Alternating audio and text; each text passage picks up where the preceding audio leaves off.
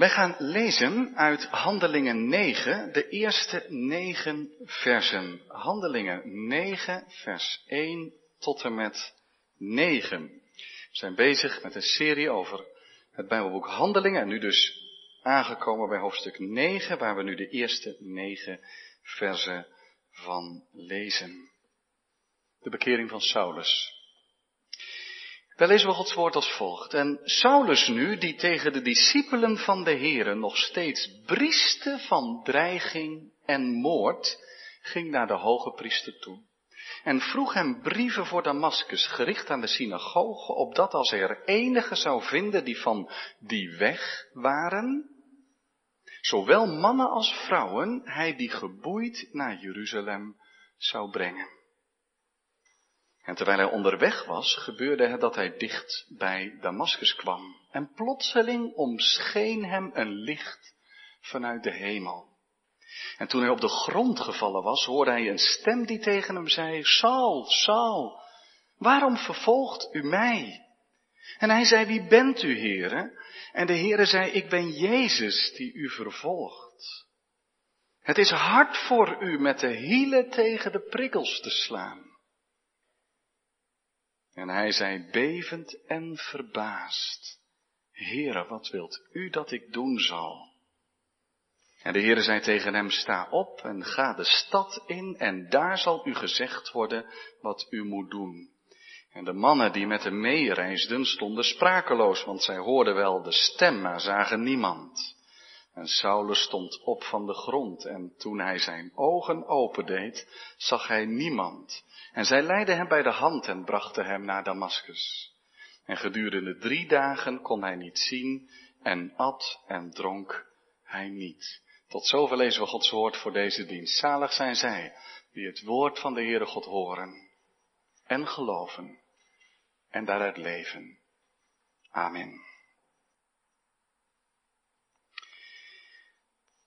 Handelingen 9, vers 1 tot en met 9 is de tekst voor de prediking van deze middag. Gemeente van onze Heer Jezus Christus. Als twee spelers tegenover elkaar zitten om een spel te spelen, proberen beide partijen terrein te winnen op elkaar. Neem schaken. Ik weet niet of we schaakliefhebbers in ons midden hebben.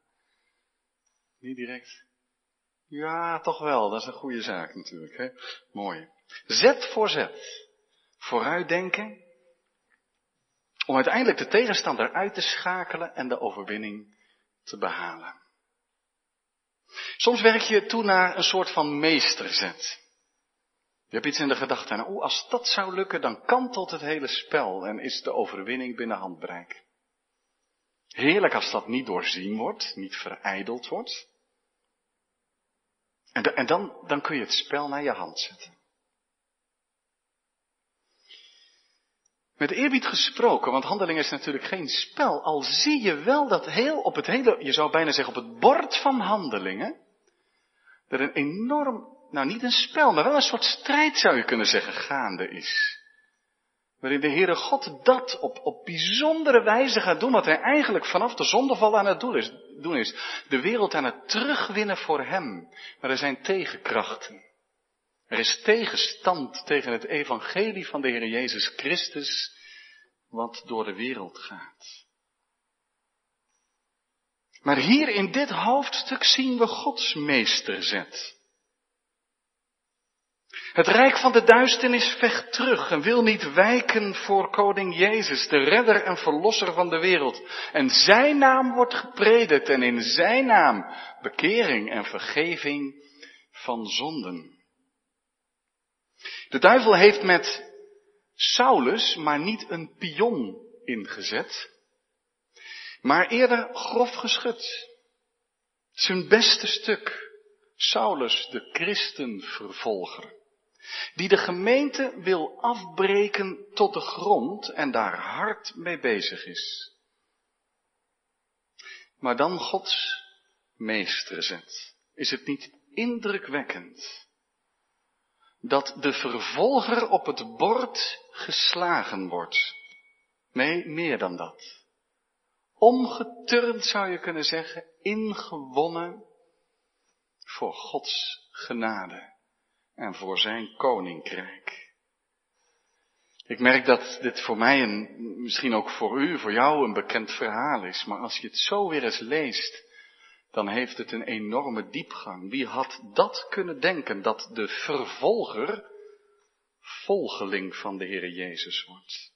En dat alle energie en kracht die deze, je kan rustig zeggen, fanatieke man heeft ingezet om mensen bij Jezus vandaan te houden. En mensen die Jezus volgen daarvan af te brengen, om hem te ontmoedigen, om hen pijn te doen, om hen te straffen, omdat, zoals hij zegt, het geloof zuiver moet blijven, het geloof in Mozes en de wet en de profeten. En dat God deze man voor zijn wagen gaat spannen. Dat deze Paulus de belangrijkste zendeling ever wordt. De bekering van Saulus. Noem hem rustig Paulus, ik zou dat waarschijnlijk uit de macht van de gewoonte ook doen. Saulus was een Hebreeuwse naam naar de eerste koning die Israël gehad heeft. Saul, Saul, zegt Jezus vanuit de hemel tegen hem, Saulus. U weet misschien dat Saul, de koning Saul, lang was, hè? Het is wel opmerkelijk dat hij ook een Griekse naam had, deden meer mensen in die tijd hoor. Naast die Hebreeuwse naam gebruikte hij in de Grieks sprekende wereld. Paulus was opgegroeid in Tarsus, werd door zijn vader en moeder Saulus genoemd, maar buiten de deur onder de Grieks sprekende Paulus. Dus de gedachte dat hij voor zijn bekering Saulus was en na zijn bekering Paulus is een mooie gedachte, maar het zal waarschijnlijk niet zo gegaan zijn. Maar Paulus betekent de kleine. Kan een kleine man geweest zijn. Misschien heeft hij die, uh, de Griekse naam uit zijn kindertijd meegegeven. Daar heb je de, de, kleine ook, Paulus. Maar zijn daden waren groot.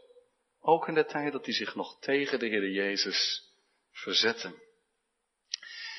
Elke bekering is anders. En toch lijken alle bekeringen op elkaar. Niemand wordt zoals Paulus bekeerd. Niemand. Sinds Paulus is er nog niemand zoals Paulus bekeerd. Niemand. Maar iedereen die tot bekering komt en tot geloof komt in de Heer Jezus Christus kan iets herkennen van wat er in dit gedeelte gebeurt. Bekering, dat betekent dat je anders gaat denken. Je komt tot stilstand. Je komt tot omkeer. Er zit ook inkeer bij, dat je zegt, wat heb ik gedaan? Hoe heb ik gedacht? Hoe heb ik God gedachten begrijpen, maar toch buiten mijn hart en leven gehouden. En nu is alles anders. Je buigt voor God. Je erkent hem wie er is. Je luistert naar zijn woord. Je gaat anders denken over jezelf. Anders over God. Anders over de wereld om je heen. Anders over het leven. Bekering is, je komt echt anders in het leven te staan. Eerst zonder God. Nu met God en met de Heer Jezus Christus. Nou, kijk maar mee in dat leven of in die gebeurtenis hier. Saulus komen we voor het eerst tegen in Handelingen 7, vers 58. Als Stefanus gestenigd wordt en Saulus past op de jassen.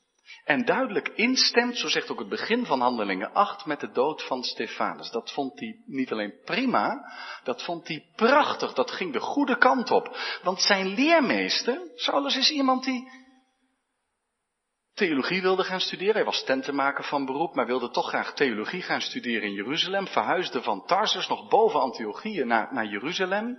En ging in de leer bij Gamaliel. Maar Gamaliel was wat gematigder. Die had zelfs gezegd, nou strijd maar niet al te hard tegen de christenen. Want als het van God is, dan strijd je tegen God. En als het niet van God is, dan verdwijnt het toch wel. Een gematigde man, die dreef de boel niet op de spits. Maar Paulus volgde lessen bij deze Gamaliel, maar dat was echt een fa fanatiek mens. Die vond zijn leermeester Gamaliel veel te rustig, veel te gemakkelijk. Nee, er moest wat harder opgetreden worden. En aan het begin van Handelingen 8 zien we hoe fanatiek Paulus was voor de eer van God, zoals hij dat zag. Er ontstond, staat er in het begin van Handelingen 8, een grote vervolging. En dan staat er in vers 3, en Saulus begon de gemeente te verwoesten. Hij stak boven iedereen uit. Hij was de vervolger. Als zijn naam genoemd werd onder de christenen in Jeruzalem, dan begon iedereen te beven. Oh, oh, Saulus, vreselijk. wat die man deed. Hij sleurde mannen en vrouwen uit de huizen, stopte hen in gevangenissen weg en deed er alles aan om de gemeente tot de grond toe af te breken. Dat was zijn doel. Alle Joden moesten terug naar de zuivere godsdienst van Mozes en de profeten. Hij verstoorde samenkomsten, haalde mannen en vrouwen in gezinnen uit elkaar. Wat een huiver was er aan zijn naam verbonden. En hij is niet gauw tevreden, want als hij klaar is in Jeruzalem of denkt, nou ja, de meeste mensen zijn weggevlucht, dan is het hem niet genoeg en zegt hij, dan gaat hij naar de hoge priester en zegt, geef me alsjeblieft brieven mee, aanbevelingsbrieven, dan ga ik naar Damascus, want ik heb gehoord, daar woonden veel Joden. En hij had blijkbaar gehoord dat er mensen in Damascus waren, die ook die naam van Jezus gingen beleiden. En dat moet niet. Nee, hij zal gedacht hebben, het breidt zich als een olievlek uit. Dat moet je echt niet hebben. Hier moet ik een stokje voor steken. En hij zegt, mag ik naar Damascus gaan om ook daar de gemeenschap van de synagoge, van de Joden, te zuiveren. Het moet afgelopen zijn. Hoge priester, geef mij brieven mee. Zodat de synagogen daar meewerken en de gelovigen in Jezus eruit gezet worden. En als ze dan de naam van Jezus niet afzweren, dan zal ik hen binden en meebrengen naar Jeruzalem om daar de boel verder af te handelen. En zo lezen wij in hoofdstuk 9, het eerste vers, Saulus, die tegen de discipelen van de Here nog steeds brieste van dreiging en moord ging naar de hoge priester toe vroeg om brieven. Hij brieste van dreiging en moord. Je ziet hem als het ware, jij zou bijna zeggen, met het schuim op zijn mond staan. Zoals een briesend paard. het is een zeer fanatiek man. Zo staat hij bekend en zo doet hij. En dan wil hij allen die, staat er in vers 2, van die weg waren. Als hij er ook maar enige zou vinden, binden en geboeid naar Jeruzalem brengen. Van die weg, even tussen twee haakjes, wat is dat mooi hè? Als je een christen bent, ben je van die weg. Dat wil zeggen, de, vanmorgen hebben we een preek gehoord dat de, de, de christenen voor het eerst in Antiochieën christen genoemd werden. Maar dat lees je pas in Handelingen 11. Tot hiertoe heten ze nog geen christen. Hoe, hoe noemen ze ze dan? Die weg. Het is toch fascinerend. Die weg. Dat zijn mensen die een weg gaan, namelijk in de navolging van de Heer Jezus. Die hun levensweg een volgeling van God geworden zijn. Die leven bij het woord van God, die van die weg zijn. Dat zijn discipelen van Jezus, die zelf de weg, de waarheid en het leven is. En zo zegt Paulus, ik wil ze achterna. Ik wil er korte metten mee maken, het moet klaar zijn. En stel het je maar voor. Paulus heeft God gedankt. Elke avond, nadat hij christenen opgesloten had, is hij op de knieën gegaan voor Israëls God. En heeft hij gezegd, dank God voor de kracht van vandaag om te strijden voor uw naam. Ik heb er weer een paar achter slot en grendel gezet. U heeft mij daarvoor de wijsheid en de kracht gegeven. Aangrijpende gedachte is dat. Niet waar, maar zo zag dat. Zo, lag dat bij Paulus. Hij dacht werkelijk dat hij God een dienst bewees. Zo had de Heer Jezus dat trouwens precies ook gezegd. Je leest dat in Johannes 16. Ze zullen u uit de synagoge werpen. En ieder die u vervolgt, zal denken God een dienst te bewijzen. Nou, dat is precies wat hier aan de orde is. Paulus denkt dat hij God een dienst bewijst door dit te doen. O God, help me als ik straks naar Damascus ga. Help me om ze te pakken. Ik doe dit voor u. Ingrijpende gedachte. Dat je je zo kan inzetten voor God. Met al je krachten. Paulus schort zijn studie ervoor op, want hij had nog wel wat te studeren bij Gamaliel, maar die was vast naar Gamaliel toegestapt. Sorry meneer, ik eh, ben er een jaartje tussenuit, want ik ga wat anders doen. Ik heb eerst iets belangrijks te doen, het belangrijkste in Gods koninkrijk, christenen vervolgen en ze allemaal terugbrengen van Jezus naar Mozes. Hij had het er allemaal voor over omdat Gods eer hem lief was. En dat je er dan zo naast kan zitten. Wat hebben wij dan een bedachtzaamheid nodig? Want zou dat ons ook niet kunnen overkomen? Dat we in Gods kerk en koninkrijk strijden voor de verkeerde dingen.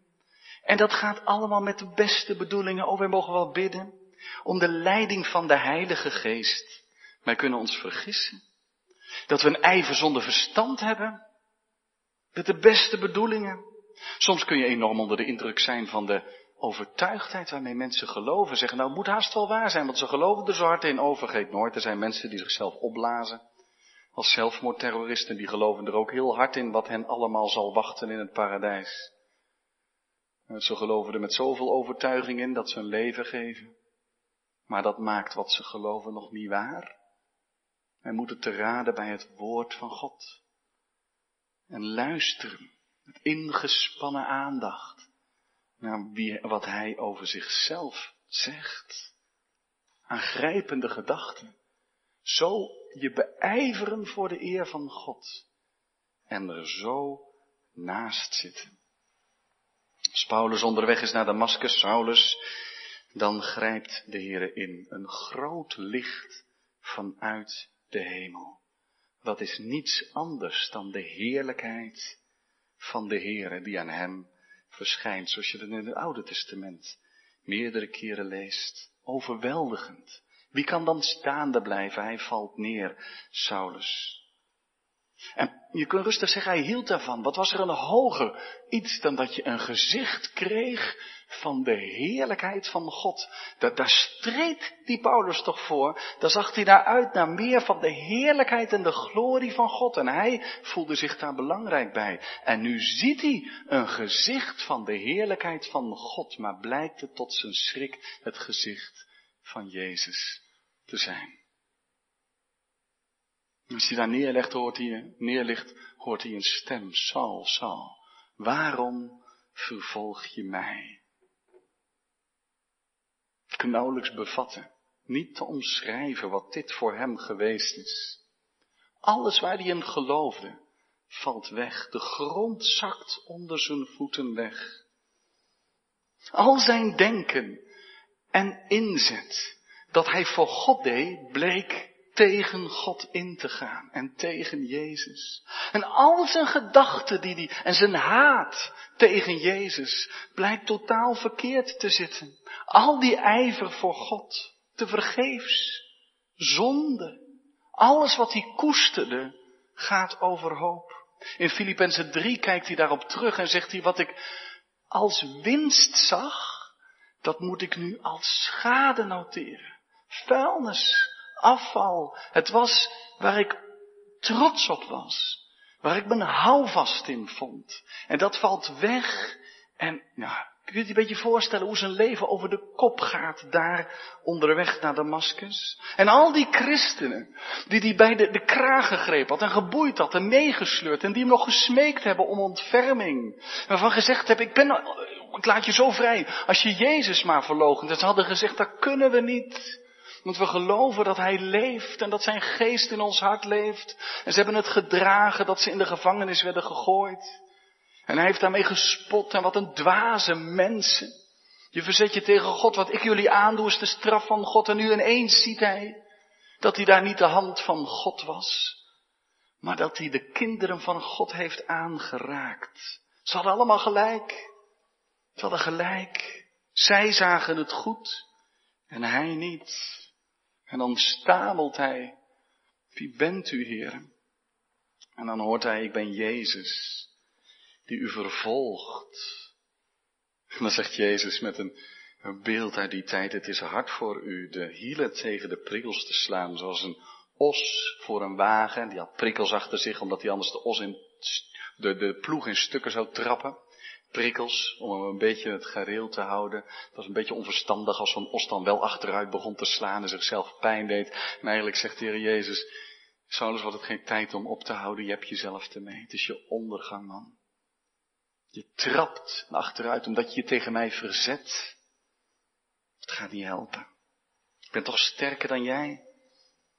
Ik ben Jezus, die je vervolgt. Waarom vervolg je mij? Dat is bijzonder trouwens, hè? Er zijn heel wat vervolgde christenen geweest die daar bijzondere troost uit ontvangen hebben. Dat Jezus hier niet zegt, waarom vervolg je mijn gelovigen? Maar dat hij zegt, waarom vervolg je mij? Je bent het, ik ben het die jou vervolgt. Je zit achter mij aan, Saulus. Want al die gelovigen die vervolgd worden, daar identificeer ik mij. Dat zijn mijn gelovigen. Je vervolgt mij. Ik zei, niemand wordt bekeerd zoals Paulus. En toch lijken alle bekeringen op die van hem. Kijk maar wat bekering inhoudt. Hij zegt, heren, wat wilt u dat ik doen zal? Eigenlijk is er geen mooiere omschrijving wat bekering is dan dat. Wat wilt u dat ik doen zal? Daarvoor zei hij, mag ik brieven? Ik wil naar Damascus. Ik wil me inzetten voor God. Nee, je snapt wel, dit is geen bekering van, uh, van de kroeg naar de kerk of zo, hè? Zo niet. Dit is een bekering van ijveren voor God op een verkeerde manier naar, naar, naar echte gehoorzaamheid aan God. Maar hij zegt, wat wilt u? Het belangrijkste kenmerk. Dat je ik, die altijd alles zo goed wist en zo goed doorzag, die wist hoe het moest, die, dat hij geknakt wordt. En dat je dan met lege handen voor God staat en zegt, Heere, zegt u het maar. Zegt u het maar. Wat wilt u dat ik doen zal? Dan ben je opeens niet meer van jezelf. Dan ben jij, maar dat kan in het geloof ook zo gaan, dat je zelf heer en meester bent, dat je alles beheerst en dat je nog steeds zegt, ik bepaal. Ik weet wat goed is. Maar echte bekering is dat je breekt voor God. Je zegt, Heer, wilt u het maar zeggen in mijn leven? Je ziet dat, ik grijp daar vast wat op vooruit, we hopen er volgende week zondagmiddag bij stil te staan als Ananias naar hem toe wordt gestuurd. En die man die ziet dat niet zitten, want die denkt, ja Saulus, ik kijk wel uit. Dat is een man, daar kan je maar beter een blokje voor omgaan. He, als die, zo had al gehoord dat hij eraan kwam, nou, berg je maar. En dan zegt de Heer, en van Engel zegt tegen hem, je moet naar Saulus toe gaan. Zegt de Heer, dat zie ik niet zitten, maar de Heer zegt, zie hij bidt. Zie hij bidt, nou dan gaat Ananias. Want als iemand bidt, is er wat gebeurd. Zie hij bidt. Ik kan hem niet nalaten dat nu vast even te noemen. Want dat is bekering. Jij zegt, ja maar Saulus had toch wel eerder gebeden. Reken maar, hij had een leven dat bestond uit de Joodse gebeden en zijn gebeden voor de ijver van God. En toch staat er, hij bidt. Het is blijkbaar voor het eerst dat hij echt gaat bidden. En dat is voor ons ook belangrijk, want je zou kunnen zeggen, ja nee, inderdaad, je wordt niet zoals Paulus bekeerd, zo bijzonder. Er zijn wel eens mensen die hebben een heel zondig leven geleid, die komen tot bekering en alles wordt anders, een hele bekering. Maar misschien zeg je zelf van, ja, ik ben eigenlijk uh, gelovig opgegroeid, ik uh, ben uh, groot geworden in de kerk. En uh, ja, wat, wat, wat, wat is bekering dan precies? Ja, ik weet wel dat bekering wel ook nodig is, maar dat is dan niet zo'n grote omwenteling. Maar weet je hoe fijn het is, voor mij als predikant, maar u herkent dat wel, als, als je merkt aan iemand dat hij misschien heel vaak al wel gebeden heeft, omdat je dat geleerd hebt, maar dat hij voor het eerst echt gaat bidden.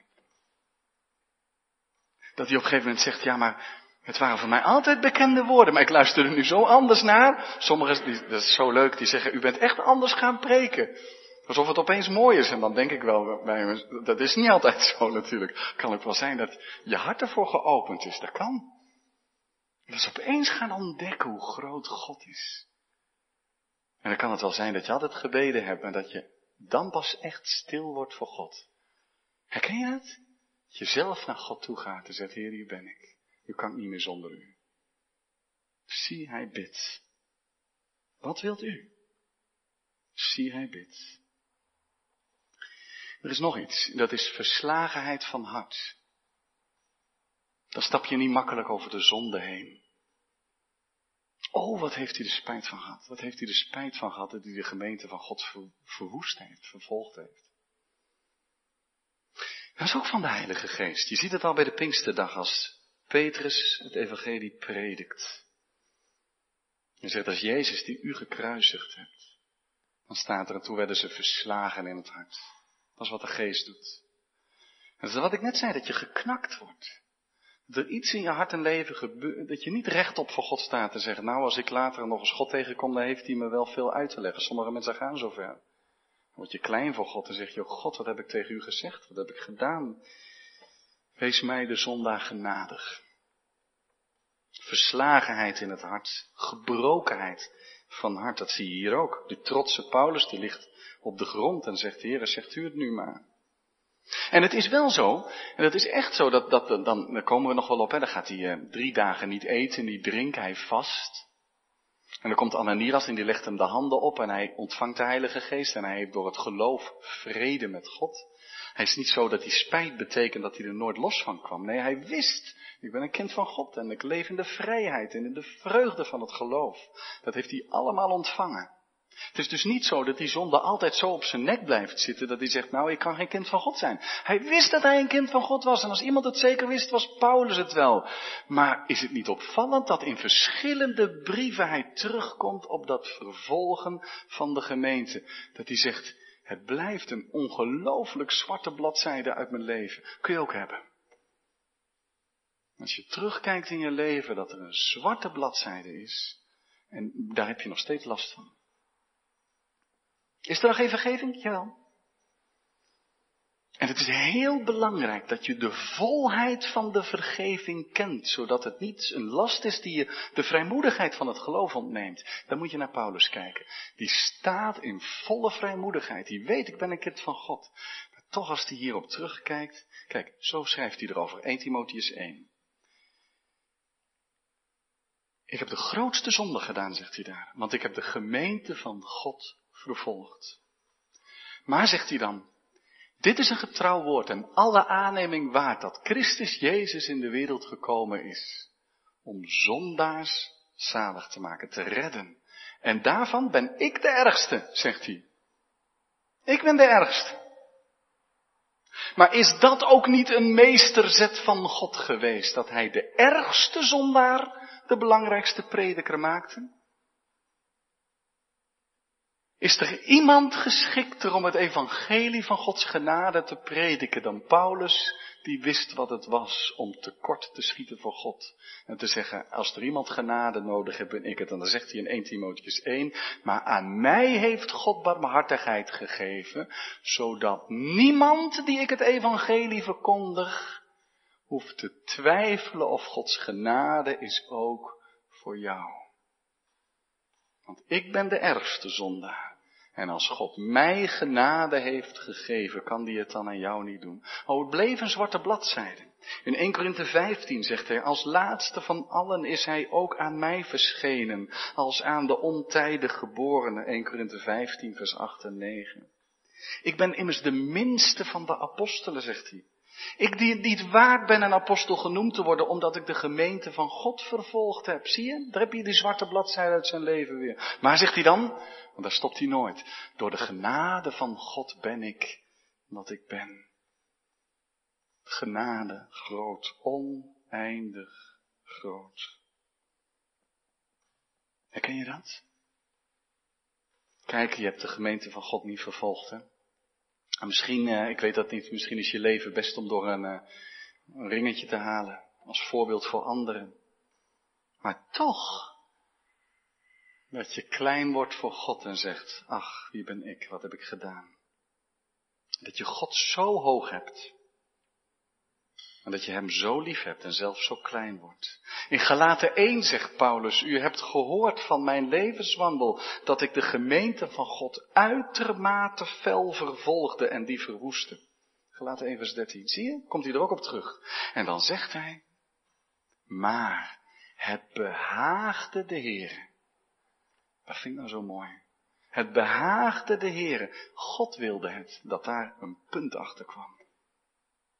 Anders was het ooit gebeurd. Het behaagde niet meneer Paulus. Het behaagde hem van geen kant.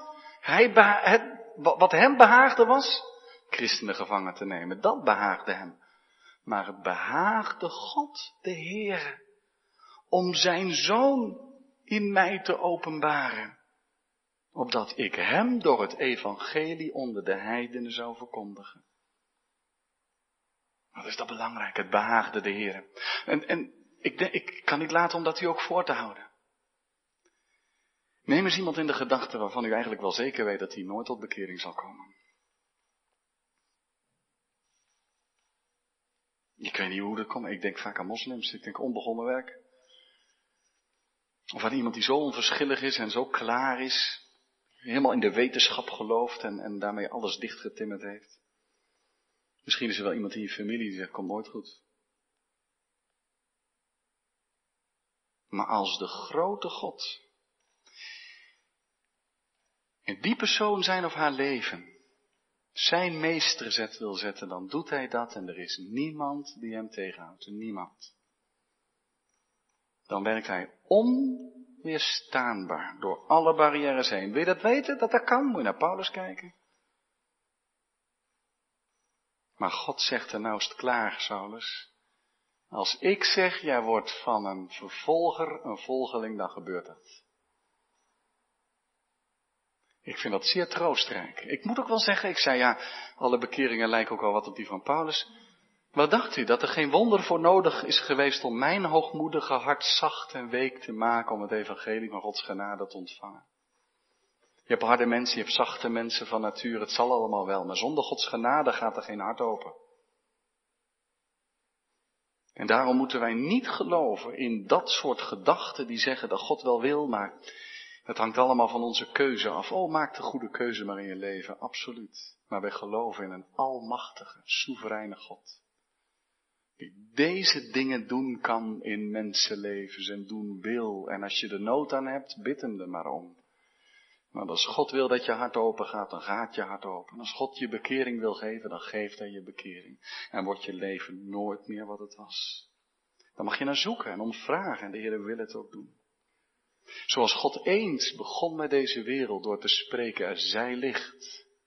Zo sprak hij hier, herscheppend in het leven van Saulus. Hij omstraalde deze duistere man met zijn licht. En er zijn, er zijn licht in jouw leven.